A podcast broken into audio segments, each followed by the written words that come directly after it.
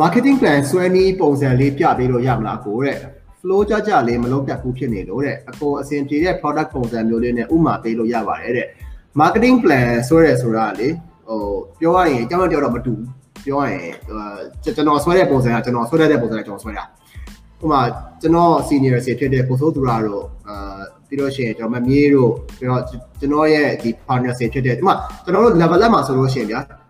ဆွဲတဲ့ချက်စီရှိရယ်ဟာ ကျွန်တော် partner စီပေါ့လေဥမာကိုဆိုင်လူရှားတို့ပြီးတော့မကြော်တို့အာမလေကျော်ဆန်ပေါ့လေမကြော်တို့ပြီးတော့ရှိရင်တခြားဒီ grace တို့အဲသူတို့ဆွဲတဲ့ပုံစံမျိုးနဲ့ကျွန်တော်ဆွဲတဲ့ပုံစံမျိုးတွေအမတူဘူးဒါကွန်မီတစ်ခုထဲမှာပဲကျွန်တော်တို့အမြဲတမ်းဟိုစကားပြောပြီးညင်းရတယ်ကျွန်တော်အဲ့တော့သဘောကျရပြောရရင်တော့ဘာလို့ဆိုတော့သူတို့သိရကျွန်တော်မသိရလည်းဖြစ်နိုင်တယ်ကျွန်တော်သိရသူတို့မသိရလည်းဖြစ်နိုင်တယ်ဆိုတော့ကျွန်တော်အမြဲတမ်းညင်းတယ်အဲ့တော့ဟို there is no တဲ့မှာဟို one size fits all ပုံစံမျိုးတော့မရှိဘူးပေါ့လေ right ကျွန်တော်တို့ကဘာသွားလဲဆိုတော့အရေးကြီးတာ number 1 number 1အရန်အရေးကြီးတာက brief ပါဟို brief တီးဖို့လိုတယ် brief ဆိုတာလေဥမာကိုယ့်ရဲ့ boss ကပဲဖြစ်ဖြစ်ဒါမှမဟုတ်လည်းရှင်ကိုယ့်ရဲ့ကိုယ့်ရဲ့ boss ကဖြစ်ဖြစ်ကိုယ့်ရဲ့အာ client ပဲဖြစ်ဖြစ်ပေါ့လေအဲ့တော့သူတို့စီကနေပြီးတော့ဘလို့ market မျိုးသွားချင်တာလဲ တော့သူတို့ product ကိုသူတို့အသိဆုံးကျွန်တော်တို့က marketer က product ကြောင့်ကျွန်တော်ဘာမှမသိဘူးပြောရရင်ဆိုတော့ 4P မှာပါတယ်ဆိုတော့ညာလည်းပဲမြန်မာနိုင်ငံက marketer အများစုက advertising ထက်စားလို့ marketing ထက်စားလို့ရှိရင် communication ဘက်ကိုပို့ပြီးတော့ကျွန်တော်တို့ကလုပ်လာတယ်သူတွေဆိုတော့ကျွန်တော်က trade မှာမကန်ရတာကျွန်တော်တို့ဒီ promotion ဆွဲရတော့ဘာလို့ကကျွန်တော်တို့ကကန်ရတာကန်ရခဲ့တယ်အဲ့တော့အခုဒီ marketing plan ဆိုတာလည်းကျွန်တော်ကျွန်တော်ယူဆတာတော့ဟို communication plan ပေါ့လေ နော်ကျွန်တော်တို့ဟို trade plan မှာကျွန်တော်လည်းမသိကျွန်တော်ဘာမှမဆွဲဘူးကျွန်တော်မဆွဲလည်းမဆွဲတယ်ဟော trade plan ကတော့ဒါ trade back ကသူတွေကိုပဲတောင်းပေးမှာပဲအစီအပြေလိမ့်မယ်အဲ့တော့အာ communication plan ဆိုလို့ရှိရင်ကျွန်တော်တို့အရင်ဆုံးအဲ့ brief တောင်းတယ် brief မှာကျွန်တော်သုံးပိုင်းခွဲတယ် customer အကြောင်းကျွန်တော်တို့မေးတယ်ပြီးလို့ရှိရင်ကျွန်တော် company အကြောင်းမေးတယ်ပြီးရင်ကျွန်တော်တို့ market အကြောင်း company ရဲ့အာ customer ရဲ့ competitor တွေပေါ့ကျွန်တော် market ပေါ့ကျွန်တော် တတိစီသုံးခုအကြောင်းကျွန်တော်မေးတယ်အဲ့တော့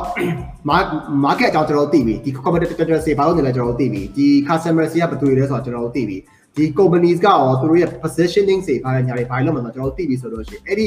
သုံးခုကိုကျွန်တော်ကရှူလာခဲ့ပြီးတော့မှအရင်ဆုံးဘာလုပ်လဲဆိုတော့ကျွန်တော်တို့အရင်ဆုံး analyze ကျွန်တော်စလုပ်တယ် market ကို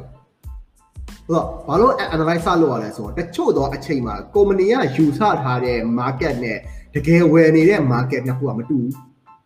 အဲ့တော့ကျွန်တော်တို့က market analyze လုပ်ပြီးတော့မှဟုတ်တယ်ဒီလူကတော့တကယ်ဖြစ်နိုင်တယ်ဒါမှမဟုတ်ဒီလူကတော့မဖြစ်နိုင်ဘူးဆိုတဲ့ဟာကိုကျွန်တော်တို့ analyst ကနေပြီးတော့အဲ့ data ကြီးထွက်လာတယ်အခုလောလောဆယ်ကကျွန်တော်ပေါ့လေနော်ကျွန်တော်မျိုးကြီးရပဲ analyst အနေနဲ့ကျွန်တော် run နေပါတယ်ဒါပေမဲ့အခုဒီဒီနေ့ဒီနေ့ရစပြီးတော့ကျွန်တော် level up မှာ analyst ကျွန်တော်တို့စပြီးတော့ငှားလိုက်ပြီဆိုတော့နောက်ပိုင်းတော့ကျွန်တော်ပိုအားမယ်ပေါ့လေပြန်ပါဟိုလေးရပေါ့အဲ့တော့အဲ့ဒီဟာတစ်ပိုင်းပါကျွန်တော်အဲ့ဒီ data ရလာပြီဆိုတော့ရှင်အားမှာကျွန်တော်တို့အဲ့ဒီ data ကို plus ဒီ client ကပေးတဲ့ brief ကိုကျွန်တော်တို့ push up ပေးလိုက်တယ်ကျွန်တော်ဘယ်သူတွေကို push up ပေးလဲဆိုတော့ကျွန်တော်စီမှာအာ strategy တမားရှိတယ်ပြီးလို့ရှိရင်ကျွန်တော် creative တမားရှိတယ် media buying တမားရှိတယ်အဲ boost လုပ်တဲ့သူပေါ့လေအဲ့တော့အဲ့ဒီသုံးကိုကျွန်တော်အဲ့သုံးကိုကျွန်တော်ဖတ်ဖတ်ပြလိုက်တယ်အဲ့တော့ strategy တမားကဘာအရင်စစဉ်းစားလဲဆိုတော့ဆောစောကကျွန်တော်ပြောခဲ့တဲ့အဲ့ဒီ market insight ဒီ market ကဘာကိုစိတ်ဝင်စားနေလဲဆိုရင် market insight ရယ်ပြီးလို့ရှိရင်ဒီ company ရဲ့ position တွေနှစ်ခုကိုချိန်လို့ရအောင်ဆိုပြီးတော့သူက market အကြောင်းလေ့လာတဲ့ကျွန်တော် site တစ်ခုထည့်တယ် market ကိုကျွန်တော်အရင်ဆုံးလေ့လာတယ်နားလည်အောင်လုပ်တယ်အဲ့ဒီဟာကိုကျွန်တော်တို့ရဲ့နားလည်တဲ့ပုံစံမျိုးလေးကိုကျွန်တော် site ထည့်တယ်ဒါက customer first ကျွန်တော်တို့ရဲ့ဘယ် type ကိုပဲကြည့်ကြည့်ကျွန်တော်တို့ဒီ customer first ဆိုတော့ customer အကြောင်းကိုအရင်ဆုံးစပြောတယ်ကျွန်တော်တို့မြင်တဲ့ customer ကဒီလူပါဒီလိုမျိုး customer ဆိုတော့ကျွန်တော်တို့ serve လုပ်ပါမယ်ဆိုတဲ့ဟာမျိုးကိုကျွန်တော်စပြောတယ်ပြီးလို့ရှိရင်အဲ့ဒီ customers ရဲ့ around the clock ပေါ့လေကျွန်တော်တို့သူတို့16 hours အဲ့ရထားတယ်ဆိုလို့ရှိရင်အဲ့16 hours မှာ ဘယ်အချိန်မှာဘာလုပ်လို့ရှိတယ်ဆိုတဲ့ဟာမျိုးကျွန်တော်တို့ရဲ့ product တွေကျွန်တော်တို့ရဲ့အာ communication channel တွေကိုဘယ်အချိန်မှာသုံးတတ်တယ်ဆိုတဲ့ဟာမျိုးကျွန်တော်စရေးလိုက်တယ်ပြီးရင်ပြီးရင်ကျွန်တော်တို့က brand analysis analysis စလုပ်တယ် brand analysis ကဘယ်လိုမျိုးလဲဆိုတော့ဒီ brand အကြောင်းကိုကျွန်တော်လေ့လာတာ brand အကြောင်းကိုလေ့လာတဲ့အချိန်မှာကျွန်တော် sport medium enterprise တွေဆိုလို့ရှိရင်တော့ client ဘက်ကပြောတဲ့ဟာကိုကျွန်တော်ပြန်ကြားတာပေါ့လေပြီးလို့ရှိရင်ကျွန်တော်ဘာဘာထပ်လေ့လာလဲဆိုတော့အဲ့ဒီ market analysis အဲ့ဒီ competitors တွေရောဘာလုပ်နေရလဲ competitors ရဲ့ဘယ်လိုမျိုး content မျိုးတွေကကျွန်တော်တို့အနည်းဆုံးမြင်ရတာအဲ့ competitors တွေမြင်ရတာဟိုကျွန်တော်မြန်မာနိုင်ငံမှာအဲ့တော့မြန်မာနိုင်ငံကဒီ competitors တွေဘယ်လိုမျိုး content မျိုးတွေနဲ့သူတို့ market တွေကိုဖောက်နေကြတာလဲကျွန်တော်တို့ရဲ့ unique positioning ပေါ့လုံးဝကျွန်တော်တို့ပဲရှိမယ်တခြားသော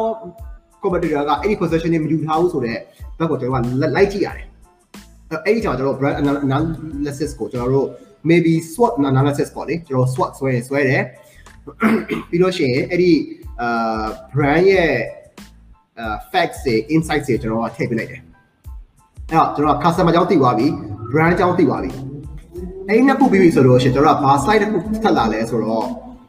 အာကျွန်တော်တို့ထပ်လာတဲ့ slide ကဒီဆော့ဆော့ကပြောလိုက်တဲ့အဲ့ market insight ရဲ့ brand ရဲ့ brand positioning ရဲ့အဲ့နှစ်ခုကိုကျွန်တော်ချက်လိုက်တဲ့အချိန်မှာကျွန်တော်တို့ရဲ့ key idea ကျွန်တော် big idea လည်းခေါ်တယ် key message ကိုလည်းခေါ်တယ်အဲ့ big idea တစ်ခုထွက်လာတယ်ကျွန်တော်တို့ market insight ရဲ့ကျွန်တော် brand အာ market market insight ရဲ့ဒီ brand position ရဲ့နှစ်ခုစုံလိုက်တဲ့နေရာလေးပေါ့လေအဲ့ဒီနေရာလေးတေးသေးလေးမှာကျွန်တော်တို့